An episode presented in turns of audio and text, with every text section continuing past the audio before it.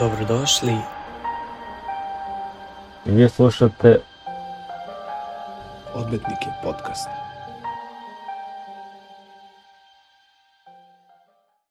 Dobar dan, dobro večer, dobro jutro, kako je ušao u novu, novu epizodu. S vama je a, ponosni voditelj Desi Nemsi Odbetnika podcast i ko gleda a, na YouTube-u, sad ne znam, opet još nismo u procesu što se tiče Spotify-a, da li vidite a, MP4 ili ti video dok gledate ovu našu epizodu i možete primetiti napravili smo neki, a, to nismo mi napravili jedan dečko ovaj cvet koji je uradio to kako valja. Ovaj, pa smo eto po prvi put ugostili ljude ovaj, preko Discorda i eto napravili neku malu sličicu da to sve izgleda malo simpatično, tako da Cvetko hvala ti puno. A, neću puno opet da davim, a, što se tiče ostalih linkova, a, naš univerzalni link je dobio još par sobica, par da kažem bitnih linkova koje to možete da, da lakše da, da kružite i da po, polazite sa naloga na nalog ili sa sajta na sajt. I još jedna jako bitna stvar, otvorili smo Reddit i uh, koja prednost ima na toga, uh, prednost toga je što sve epizode koje uh, budu izlazene na YouTube, na kraj će biti neki, da kažem, pregled par mimova, pa eto čisto malo da pohvalimo i te ljude koji su kreativni, pa da podržimo te, te stvari. Što se tiče negativnih stvari Reddita, uh, budite kreativni, nemojte da bude nešto wow. Tako da ovaj, e, gde da krenem, opet kao svaki put nešto je drugačije nego, nego inače. A, momci, jeste tu? tu. Ovaj, ja bih želeo ovaj, da predstavim a, publici koja sluša koji su ušli u Zeni Social Network. Ovaj, pa bi eto hteo malo da se predstavite ko ste, kako ste, pa od Zina. Prije svega, ja se zovem Zaid Prezivan Fišćorović, dolazim tu iz jednog manjeg grada blizu Sarajeva. Eto, spomenut ću mu ime Hakanj. Um, real life stanje, imam dvije firme od oca, malo se brinim o njima, ne još uvijek nešto pretjerano jer mi godine ne, ne dozvoljavaju. Na koje si godište? To je u suštini to. Pa imam 16 godina, napunio sam prije neki dan, 27. drugog. Boga mi, pa znači ti si, ono, već imaš ozbiljne projekte u glavi, a eto vidiš. Škola Pa, sve. može se reći. Ovo je Tizink. Ili Sink. Um, ja sam Ahmedin um, i prezivam se Spahić, dolazim iz također omenjeg grada u Bosni i Hercegovini, u blizini grada Vitez, u blizini grada Sarajeva. Uh, grad u kojem živim trenutno zove se Vitez. Dobro. Ovo, jer misliš nešto- da dodaš? Uh, ako nemate pitanja, nema. Dobro. A, zadnji član koji je evo tu sa nama, to je Sablja. Uh, zovem se Dario i dolazim iz mjesta blizu Mostara. Eto, ovaj, dobili smo neku, neku pregled ovako ljudi koji, koji učestvuju na ovom projektu, pa bi, evo uzet ću tebe Zaid, ovaj, kakav je to projekat i, i čime se vi bavite? Kome, ko će o tome? Hoću, hoću ja ili... Može, udri, udri. Pa evo, naime, to je projekat koji je trebao biti izrađen za jednu osobu iz inostranstva. E, nažalost, ta osoba odustala kad je shvatila koliki je tu trud i zalaganje potrebno, pa smo mi došli na ideju da pokušamo ovdje, prvenstveno na balkanskim prostorima, a onda i šire. Dobro, a ovaj, čime se ono fokusirate, čime se bavite, to je kao neka platforma za igrice ili? A, naime, eto, kad smo mi shvatili da, odnosno ne shvatili, nego kad smo došli na ideju da pokušamo to prvenstveno realizovati ovdje na Balkanu, pa onda i šire javila se ideja još, još veća i, i ne znam kako da reknem podrška od ostalih. Koliko je, da kažem, naporno ovaj, raditi na tako nekom projektu ili to je recimo, to je aplikacija. To je aplikacija i, i to je nešto što stoji na webu, ako se ne varam, tako? Pa jeste, bit će i web aplikacija kao i mobilne aplikacije. Sada trenutno nemamo još uvijek u planu da realizujemo ovu desktop aplikaciju koju smo kreirali jer nema potrebe sasvim kad se može preko weba pristupiti aplikaciji imati još više mogućnosti nego na desktop aplikaciji. Tu se slažem. Ovaj, Pa da, koje aplikacije bi to najviše, da kažem, ajde, ličilo? Pa ne možemo reći sad da imaju neke aplikacije koje, po kojim je rađena ona, ali eto, suštinski ima tu i tamo Facebookovo, Facebooka, ima tu i tamo Instagrama, e, za desktop aplikaciju je slično Telegramu, ali nije to, to jer nije rađeno po direktno gledajući aplikaciju, više je rađeno na neki naš fazon koji je tražio taj, ta osoba iz inostranstva koju smo radili, a da poslije smo mi radili neke prepravke, ali ne može, ne može se nešto, Bog zna, novo napraviti što nije viđeno na, Uglavnom na uzimano Balkanu je, i dalje. da, uzimano je ono što je najbolje iz ostalih aplikacija, iz ostalih, ajde kažem, Pa, gotovih projekata ste uzimali ono što je najzanimljivije, najkorisnije. pa da. Ovaj, pa kako je započela cijela ta priča? Ovaj, jeste vi samo skupili na, ne znam, nekom druženju, krenuli ste da bavite se time ili kako je krenula ta priča? Pa, radili smo Sink ja na tom projektu, tu i tamo je Sablje uletao sa nekim svojim sposobnostima, što mi znamo, ali eto da ne trošimo vrijeme na njima. I onda nakon svega to kad je on odustao, i pričali smo par dana o tome da li pokušati kako bi to bilo dobro, onaj, kad bi se i pokušalo, kad ne bi ni uspjeli, opet je druga priča. Mislim, drugačije bi bili gledani, jer ipak nije mala stvar za početi društvenu mrežu. Ma nije, gdje će biti mala, ovaj... I tako je sve počelo, eto, od toga, od tog našeg prvenstveno rada za drugu osobu i onda naši, naše priče koja je bila u sklopu rada na drugoj aplikaciji. Ovaj, ok, radili ste za nekog tu aplikaciju, Da, ovaj, on je prestao da finansira taj projekat ili šta se tu desilo? pa on je platio neki dio koji smo mi isto zbog toga što je vrijeme ne mogu reći izgubljeno jer smo mi nastavili na tom projektu, ali eto izgubljeno u, u odnosu na to da smo mogli naći nekog ko je htio nešto drugo uzeti, možda i veće pare, a možda i iste pare, mislim, ne mogu sud, ne možemo, ne, ne, ne mogu, ne možemo suditi sad kako je moglo biti drugačije. Možda i moralo biti tako. A od kako ste napustili, ovaj, da kažem, ajde da kažem, tu osobu za koju ste radili, vi nastavili taj vaš projekat, ovaj, koliko ste napredovali od tada, koliko ste stvari uradili?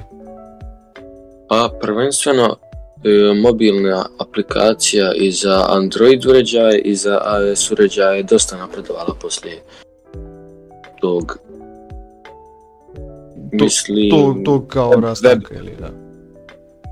Da, web aplikacija je tu i tamo bila napravljena većinom one osnove. Dosta stvari smo mi uradili u odnosu na ono što je on tražio. Tako da ne možemo nešto konkretno reći što je urađeno, jer ne znamo ni mi, baš smo dosta mogućnosti dodali, no, dosta featuresa, na primjer ima game sistem koji radi, na primjer ima onaj 8 ball pool, odnosno onaj bilijar što ima i na mobitelu i na Aha, webu. aha. I napravili smo čak preko API-a, odnosno preko našeg sajta, eto, ne znaju ljudi, možda neki što znači taj API, uglavnom ukratko preko našeg sajta se mogu igrati igrice kao što je taj 8 ball pool i još neke igrice koji podržavaju to. A kad vi pričaš, ajde o tim nekim stvarima, a, da li je moguće, ne znam, da ti imaš tu neke prijatelje, da dodaješ se sa društvom, da ne znam, pričate, da... Kao, Pa kao, kao recimo ne, neki vid komunikacije da imaš na toj aplikaciji. Pa suštinski, kao što smo malo prije rekli, slična je Facebook, može, ima čak i opcija da se live streama, da pričaš sa svojim prijateljem, da video call imaš s njim, da šalješ glasovne poruke, da imaš temu razgovora, da mu šalješ gif, da mu šalješ neki file, da ga followuješ, da ga dodaš u svoje, kao u svoju familiju, odnosno kao u obitelj, eto kako da reknem to, možeš promijeniti rod, na primjer da li je brat, da, da li je sestra, da, da li ti je neki tamo rod, nešto, uglavnom i, to, i, to, i na te sitnice smo gledali to. Da, A kad već ovaj, ajde kažeš, tu ima dosta privatnih stvari koje eto, ovaj, mogu da se dele na toj aplikaciji i blupam, znači dešava se neki jako ozbiljan razgovor, a, ne znam, ne neki, ajde da kažem biznis, biznis razgovor, a, koliko je to sigurno, koliko je sigurno ovaj, da se obavi razgovor na tome da, ne znam, taj poziv ili recimo te poruke ne budu likovane ili da odu negdje gdje ne treba? Pa sigurno je 100% zato što prvenstveno sve e, to radi i te poruke i razgovori i live stream sve radi preko druge platforme koja omogućava to preko API-a, malo prije spomenutog. Jer velika bi bila tek, veliki bi bio tek projekat da smo mi napravili sopstveno onaj, sobstvenu opciju za video pozive, za audio pozive, za live stream, ne znam, za poruke, to je baš velika ozbiljnost tu potrebna jer to je čuvanje uh, nekih privatnih stvari, zašto se može pisatiImo mi zabraniti nekom da piše neke privatne stvari na aplikaciji jer je napravljena za sve. Da, zato što ovaj, kažem, recimo, dešavao bi se neki ozbiljan razgovor, neki ozbiljan poziv, ovaj, kolika je, da kažem, mera sigurnosti, koliko bi mogo da oceniš tu sigurnost od 1 do 10? Pa 10, zato što je ta platforma preko koje funkcioniše sve to baš platforma namijenjena tome i dosta je certifika, dosta certifikata posjeduje tako da zbog toga je izabrana ona za sve to. Eto, to je super čuti za ljude koji eto žele da nešto da, da kažem, tajanstveno sakriju ili da pričaju gde, znaš, a, Naravno, mogu da se odvoje od drugih, pa opet da obave taj neki razgovor. Ovaj, koji još imate mogućnosti eto što, što, što možemo eto da, da, da očekujemo koje eto nismo videli na nekim sličnim platformama? Pa, mislim da će skorije se moći čak i filmovi gledati preko platforme, to još uvijek ne možemo 100% obećati. Dodali smo tu, ta, tu mogućnost, tu, taj futures, onaj, kako se zove, na sajt, ali ne možemo 100% potvrditi da će to funkcionisati sve kako treba jer nije potpuno testirano. Pa sad čekaj, čekaj, čekaj. Ti bukvalno možeš da ukucaš uh, site lupam, Transformersi, ne znam, Moonfall i tebi će onda izbaci sa Netflixa ili sa ne znam čega. Će da ti izbaci ceo film i ti ćeš moći da ga gledaš kao klip na YouTube. E, pa u, u tom kontekstu samo što još uvijek to nije 100% testirano može se desiti da ovaj API ne bude funkcionisao kako treba tako da sa sigurnošću ne mogu reći da je 100% to to ali eto ima čak i to Vidiš, to bi bilo super stvar, ono, ne moraš da tražiš da kupuješ Netflix ili šta ja znam, pa ono, zablegiš na, na toj platformi. Pa naravno, naravno. Film. Ovaj, e sad, pročitao sam tamo, pošto sam gledao na vašem Discord serveru sam, i a, gledao sam kako kačite neke, a, da kažem, sneak peekove cijele te ovaj, franšize i, i cijelog tog projekt, projekta što radite. Ovaj, naišao sam neki sistem a, poena. E, Sad- baš sam krenuo da, da Nije pričam o mi, nije mi tim sad baš najjasnije uh, šta ja kao uh, koji sam došao na tu aplikaciju dobijam od tih poena i šta je, ko, koje prednosti ima na tih poena? Pa prvenstveno ti poeni služe mm, da onu svoju aktivnost pretvorite u novac. E, hiljadu poena se može pretvoriti u jedan dolar koji možete dići na Paypal, na razne platforme koje podržavaju to. Jer opet m, mi bi napravili čak da se može dići preko SMS-a to, ali neke stvari nisu moguće jer nije do nas, to je više do ti, ajmo reći, mm, kako da objasnim, ti metoda plaćanja koje, koje dopuštaju da se koristi na drugim sajtovima. A koje je to, mislim, opet stvari mogu da dobijem te neke poene i, i na šta bi mogu da se fokusiram kad bi bio taj korisnik? E, pa, prvenstveno, poeni se mogu zaraditi komen, komentarisanje bilo koje objave.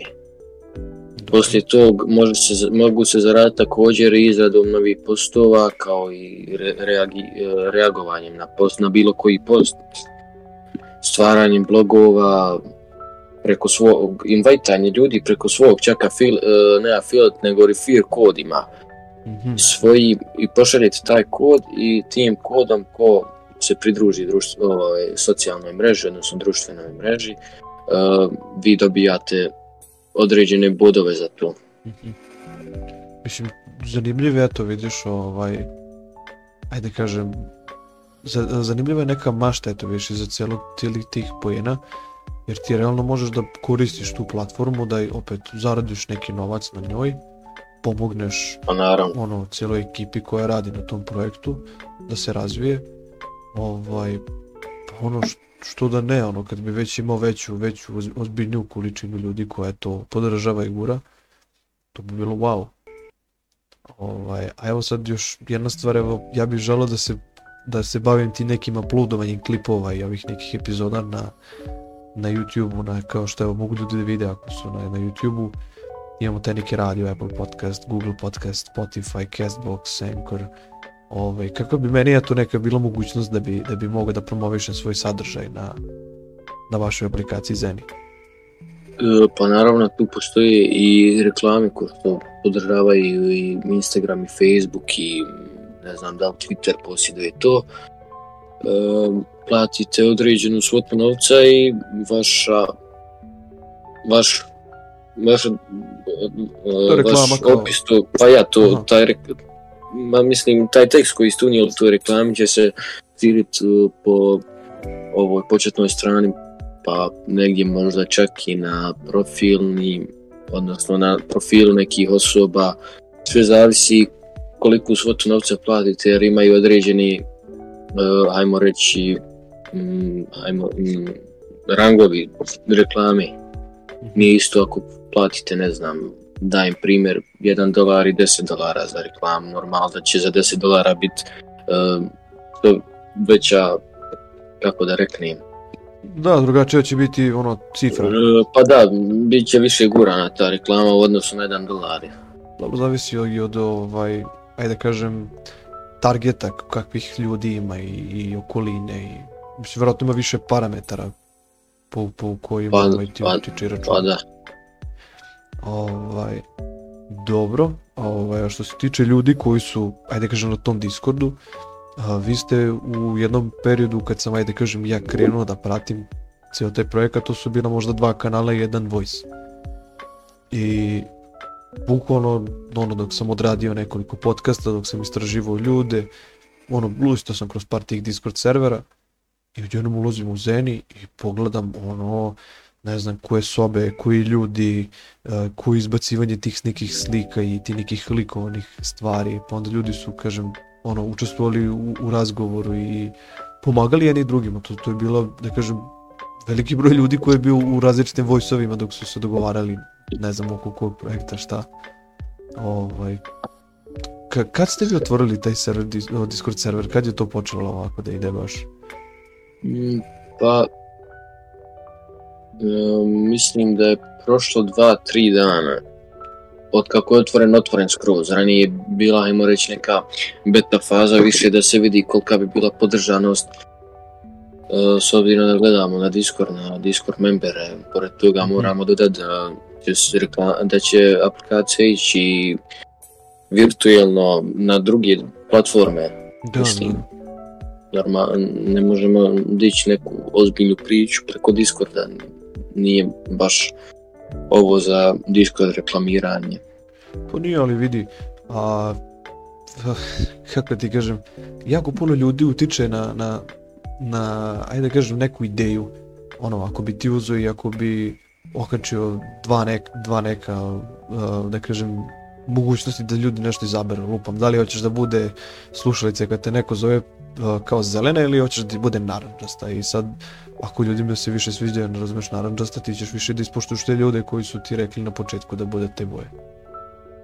Pa naravno, pa naravno. Tako da ovaj ne znam sad koliko, koliko može da to bude dobro i loše za, za psihu ljudi ono, koji se bave time, koji se bave tom, tim programiranjem. Ovaj, jer kažem, ne razumem se u te stvari, ali ovaj, delo je mi zanimljivo. Ovaj, čak ne znam ni koji jezici se trenutno, koji ste jezike koristili i kako ste radili na tim projektima, šta, šta je bilo potrebno.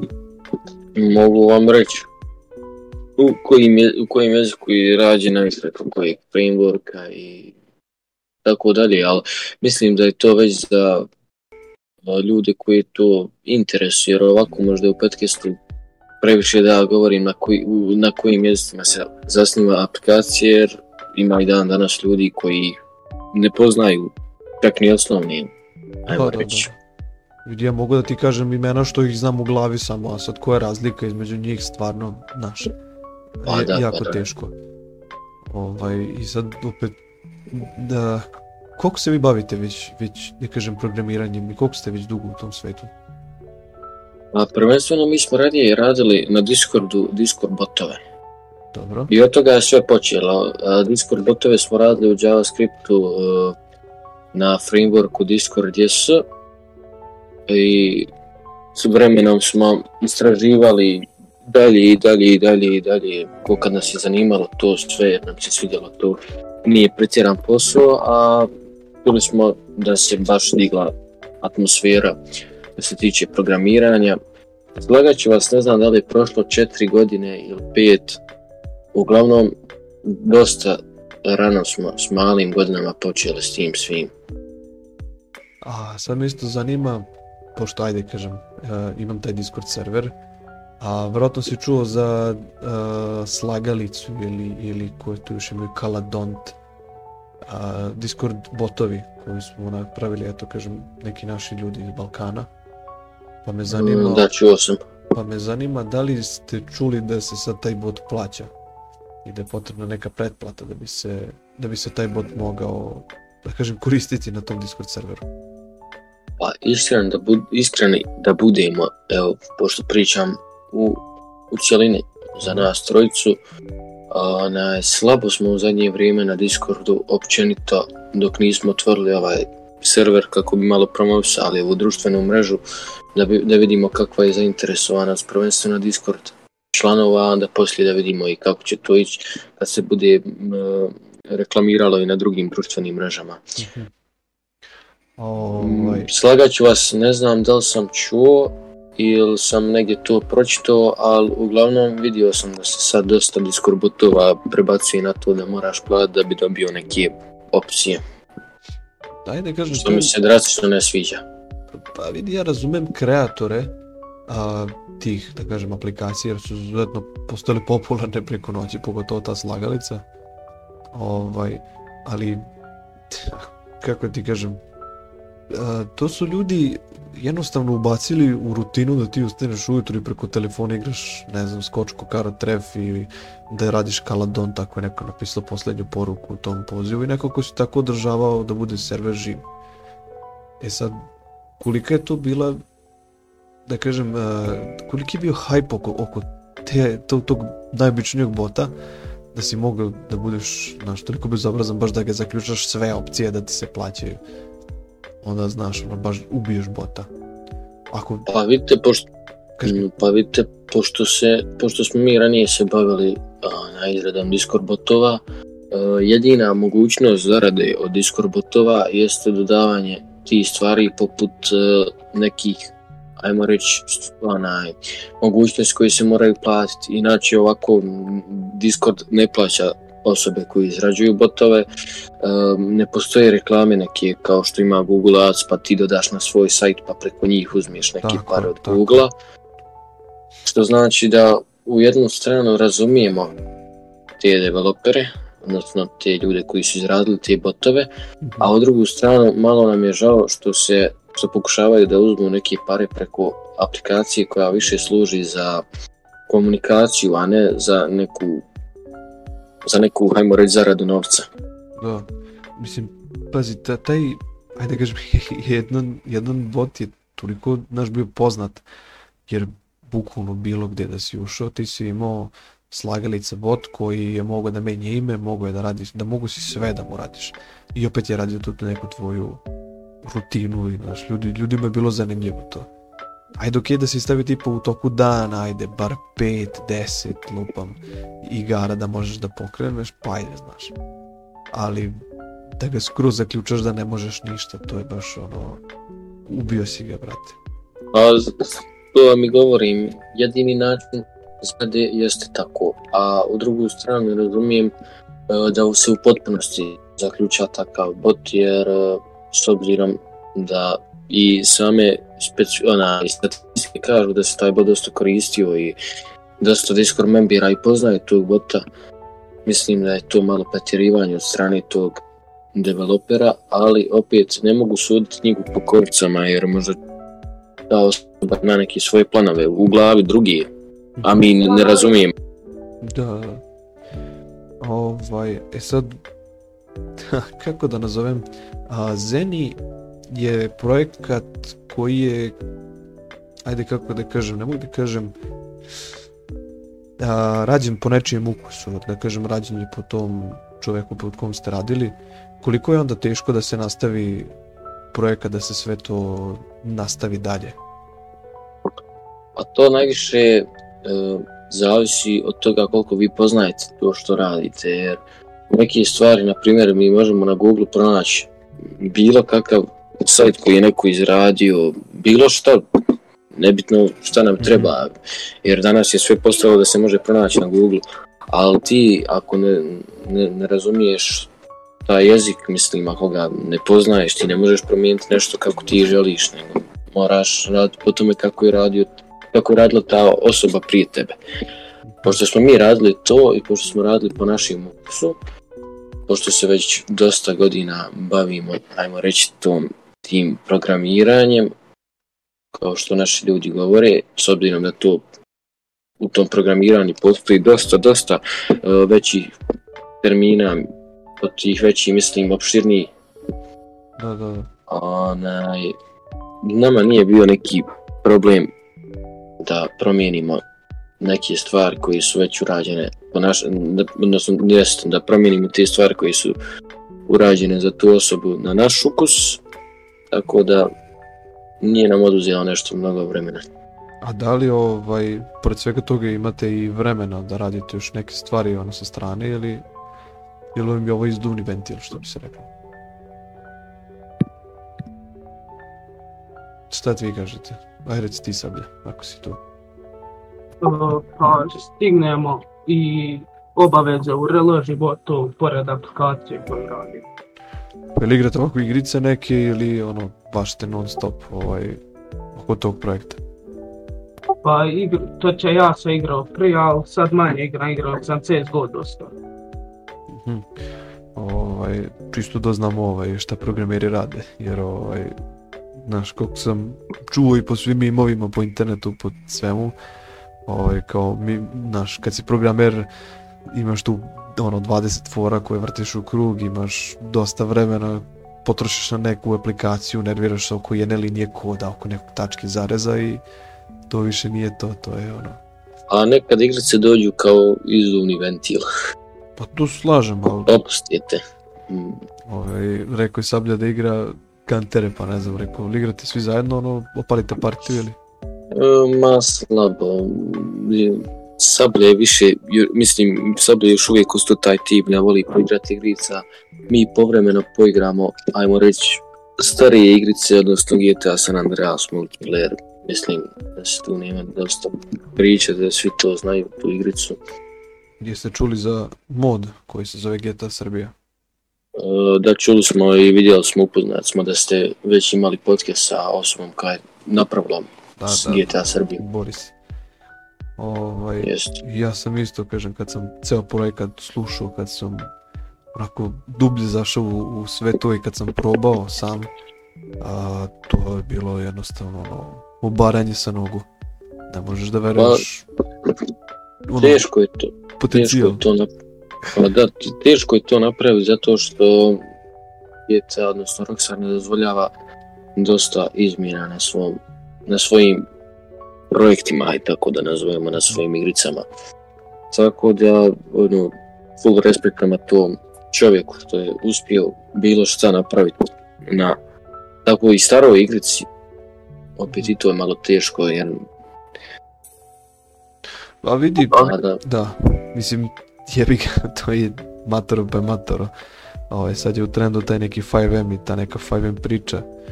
Jer ovaj, dosta ljudi je okorelo, da kažem, Balkanci jednostavno. Kad im spomeneš taj neki roleplay, uh, ljudi ne znaju da uzmu neku drugu ulogu, nego uzmu sebe u tu ulogu i, znaš, užive se previše u, u, u samu igricu. Ma da pratimo, iskreno da budem, pratimo par streamera što se tiče 5M platforme.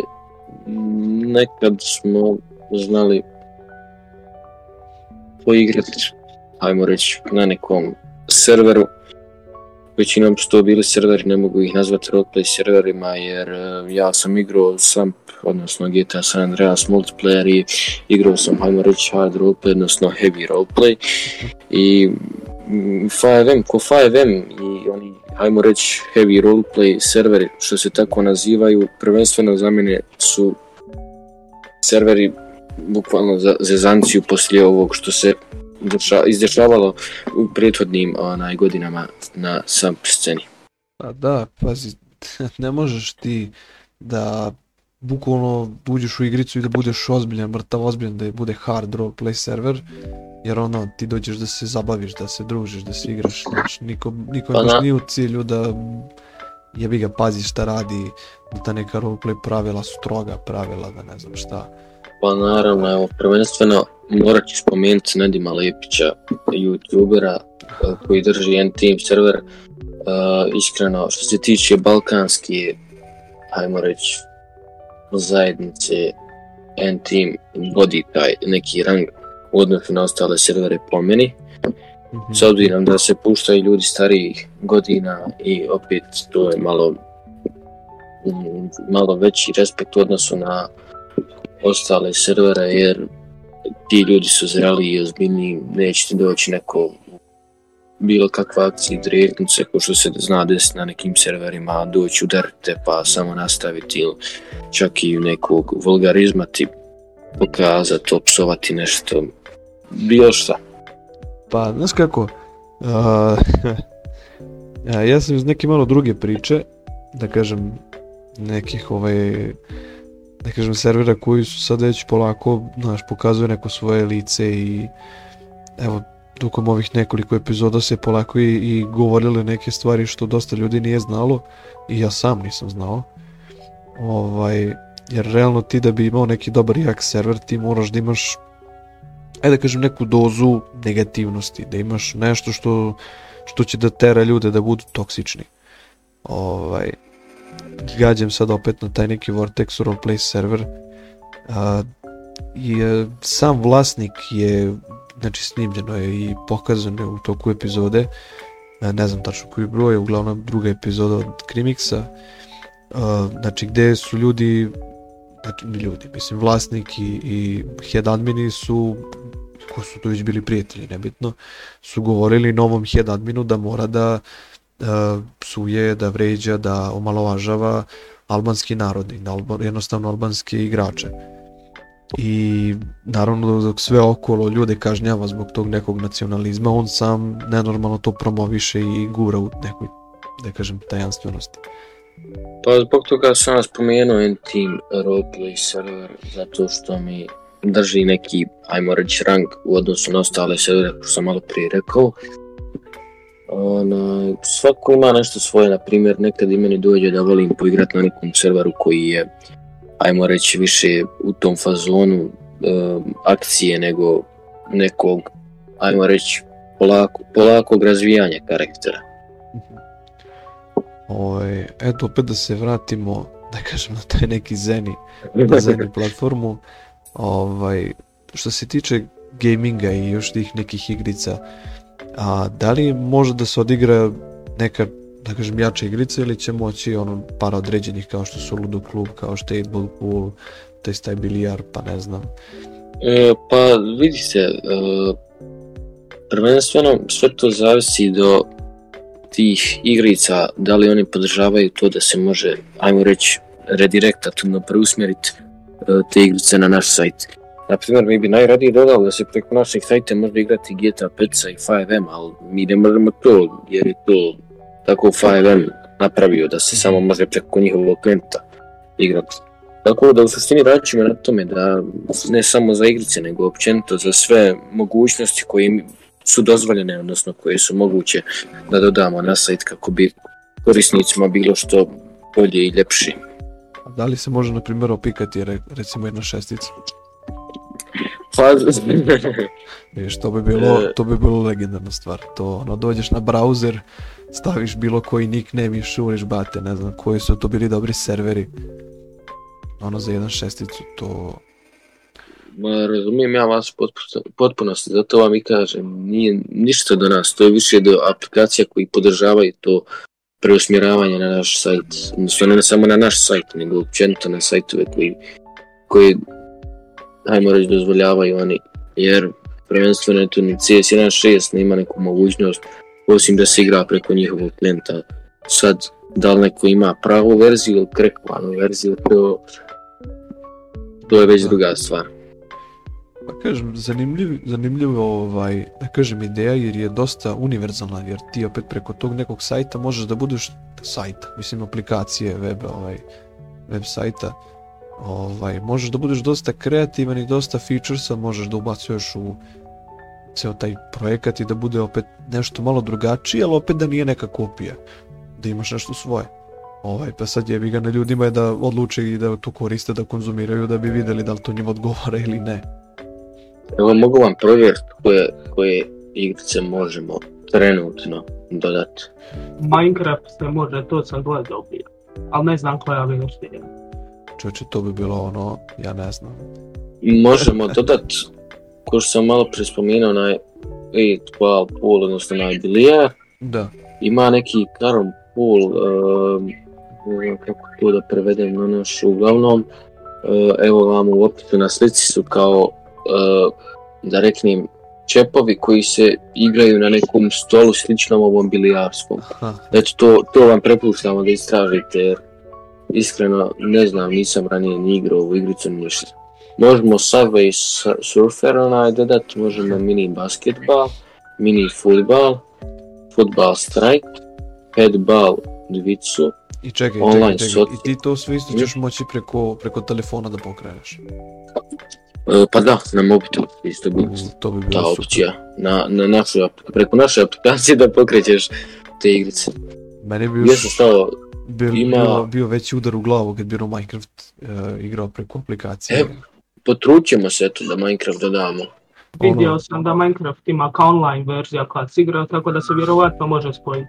i bilo, da kaži, kaži. e, Ciljamo da e, preko, preko brauzera ljudi svi koji igraju nebitno o jačini njihovog uređaja imaju ista onaj, iskustva u korištenju naše aplikacije. Ciljamo što bolju responsivnost i e, također da aplikacija što brže reaguje na sve Mhm. komande koje vi zadate, na svaki klik da je što manji e, delay. Mhm. Vidiš, to je dobra stvar jer ono ti, ajde kažem, klikneš W i ono, držiš, držiš dok trčiš negdje i ti si pustio da bi skrenuo desno, on, tvoj karakter i dalje 15 minuta trči napred, onda to bi baš bilo, Naravno. ono bilo bez veze, ali ono. Ovaj, mislim, pazi, od svega mi deluje zanimljivo Minecraft jer realno ti ćeš doći, ono, dogovoriš se s ekipom, dodate se preko aplikacije, imaš poziv, imaš ako hoćeš drugi ekran, prebaciš film i ono, uživate. Ma da. I To su- grupe također možete u, igru, i u grupu prijatelja dodati, pričati, igrati. Da, tu su, tu su eto vidiš neke ideje koje realno do sad nismo vidjeli, a znaš, realno to ti je, to ti je kao, kako da kažem, znači, zamisli Instagram i ti sad možeš da odigraš kantere preko, preko Instagrama. E tako ja nekako vidim trenutno Minecraft preko, preko aplikacije na, na fonu. To je uh, više bukvalno multifunkcionalna aplikacija. Pored Jasno. društvene mreže ima još puno tih opcija i puno, puno stvari koje bi ljudi naši mogli koristiti, korisnici naši općenito. I to bi iskreno uh, privuklo dosta ljudi. Mislim da uh, vrijedi, vrijedi koristiti aplikaciju i onaj, ciljamo da je što bolja samo za naše korisnike i za one ljude koji će na početku samom našem uh, koristiti aplikaciju. Mhm. Ove, ili imate ovako još nešto zanimljivo da kažem što možete da, da kažete nekome ovaj, ko, ko je to došao u podcast, a jednostavno ovaj, niste do sada izbacili na neki sneak peek ili nešto. Uh, pa ja iskreno trenutno nemam ništa, a mogu otkriti neke sitnice na aplikaciji, ali onako da, da por- poručim ljudima koji gledaju podcast uh, nema. Nemam ništa. vidi, ovaj, bitno je da ljudi to znaju da to je sigurna aplikacija, da su mogućnosti velike, a da je, da je veliki, kaži, Za sigurnost samih korisnika naših e, odradili smo poseban sistem koji smo mi sami sjeli i pravili bukvalno, e, ne znam tačno koliko, ali dugo je rađena zaštita. Mhm. E, gledali smo da su korisnici što e, zaštićeniji u trenutku poziva i preusmjeravanja poziva sa jednog uređaja na drugom, sve radi i kriptuje se. Tako da niko ne bi, e, to je kao policija što koristi privatne frekvencije na svom radiju. E, bukvalno imamo takav sistem zaštite. Mislim, to, e, to nam je dao provider koji koristimo za preusmjeravanje poziva. što je, to je dobra stvar. Ja sam čuo pitanje e, negdje tamo na početku da ste pitali kolegu Zajda Tako je, oko poziva i privatnosti. E, To je što se tiče poziva. A ovako za informacije naloga i informacije koje mi čuvamo vama. Vi možete naći u postavkama svog naloga i Dobro. možete instali i e, imate kockice preko kojih možete odabrati informacije koje vi želite da instalirate, to zapravo informacije koje mi čuvamo e, o vama. Znači vi kao korisnik e, možete instalirati sve informacije koje mi čuvamo o vama, kao što su na primjer privatne informacije, lokacija, to naravno, lokaciju i sve to vi stavljate ako želite. To je izbor. Ne morate čak ni onaj datum rođenja staviti, to je vaš izbor. Možete sakriti u postavkama privatnosti, možete neke, možete sakriti također e, da, da ostali ne vide ljude koje vi pratite ili koji vas prati. Da, to, to je jako dobra stvar, ono imaš lep pregled, ono, da vidimo šta, da, Da, vidiš Da, da, šta vi eto možete da imate tu ili da nemate. Ovaj, dosta smo, dosta smo radili na sistemu zaštite. A za informacije bukvalno možete instalirati sve postove koje ste postavili, stranice, grupe koje imate, ko vas prati, koga vi pratite. Uh, I odaberete, odaberete šta želite instalirati, stisnete generiraj file i naša stranica bukvalno generira čitav file uh, o informacijama koje ste vi tražili i odabrali. Mhm. Uglavnom, sigurno maksimalno velika je ovaj, mogućnost, a ostalo ne korisnicima da se igraju i da pokušavaju da nađe to neku svoju zabavu na toj aplikaciji. A što se tiče zaštite, također smo napravili sistem kao što ima na Discord, na primjer uh, two-factor authentication. Aha, aha. Preko Google autentikatora možete uh, bukvalno do, duplu zaštitu staviti na svoj nalog uh, ako to želite. Uh, to pri svakoj prijavi, ko ne zna šta je autentikator, pri svakoj prijavi na našoj mreži, vama će se tražiti kod koji se prikazuje samo na toj aplikaciji Google autentikator, kako ne bi netko drugi sa drugog uređaja koji nema taj kod mogao pristupiti vašem nalogu. To je izuzetno dobra stvar, jer evo meni se desilo čak par puta da sam imao ne znam koliko napada i opet uvijek mi se zatraži taj autentifikator, to jest taj kod i znaš dok ja ne upišem jednostavno sistem ili ono nalog je zaključan i to je to. Vidiš lepo pregled odakle ko šta je pokušao i milina. I zbog uh, ovako stvari koje smo inače na Discordu vidjeli kao na primjer ljudi koji prave fake naloge, koji prave ono, razumijete, na primjer Da. ti si muškarac i napraviš ženski nalog ili nešto. Napravili smo da uh, može uh, jedna osoba imati maksimalno dva naloga. Ne, ne ono maksimalno dva naloga, već da na, u trenutku pravljenja naloga da je verifikacija maksimalna. Uh, ima e-mail verifikacija i broj. Jedno od to dvoje se mora odabrati i uh, bez odabiranja uh, mreža automatski blokira kreiranje tog naloga koji vi želite kreirati. Aha. E, Što ti je mnogo, mnogo bolja opcija nego da se ljudi eto pokušavaju da prave, prave lažne naloge i da recimo prave nekom problem, ajde tako da kažem, sa tim lažnim nalogom. I također, uh, na primjer, kad bi uh, neko vidio taj lažni nalog ili se neko javio nekom i prijetio nešto, uh, svaki korisnik koji reporta na report naloga bit će odgovoreno u roku od bukvalno 10 minuta. Jer gledamo da skupimo što profesionalniji, što bolji i aktivniji tim. U naše administratore kako bi, kako bi se smanjila, kako da kažem, kako bi se što brže reagovalo na greške ili reportove od naših korisnika. Što je super ideja, jer ovaj, realno možda ček, iako postoji neka opcija, možda evo sad vam dajem ideju, a ti realno možeš da blejiš ono na fonu i ima možda izbacite eto neki konkurs, ono popuniš konkurs, po, ovaj dođeš na neki razgovor, dođeš na intervju, vi upoznate dečka, dečko kaže naš ja bi se time bavio, ovaj vi mu date neke mogućnosti za početak ono da testirate njegove ovaj da kažem reakcije kako bi on reagovao na rešavanje tih nekih problema bilo kog jezika ili da je bilo koja situacija u pitanju i jednostavno mu date i on preko toga može da bude administratorski tim. Mislim, pola E, pamet. baš tako. E, Prije pristupanja e, administratoru, administrator stvarima koje on dobija kao administrator, korisnik mora proći prvo dvije obuke i dva testiranja kako bi mi prvo osigurali sebe e, i naše korisnike pa onda ostalo što bi se moglo izgubiti na na našoj mreži. Jer također može i doći administrator, tačnije neka osoba koja bi glumila da je zainteresovana za to, koja bi htjela stvarno pokazivala da hoće to i na kraju bi e, se desilo to da bi ta osoba e, zloupotrijebila to na našoj aplikaciji i uradila nešto što ne bi trebala uraditi.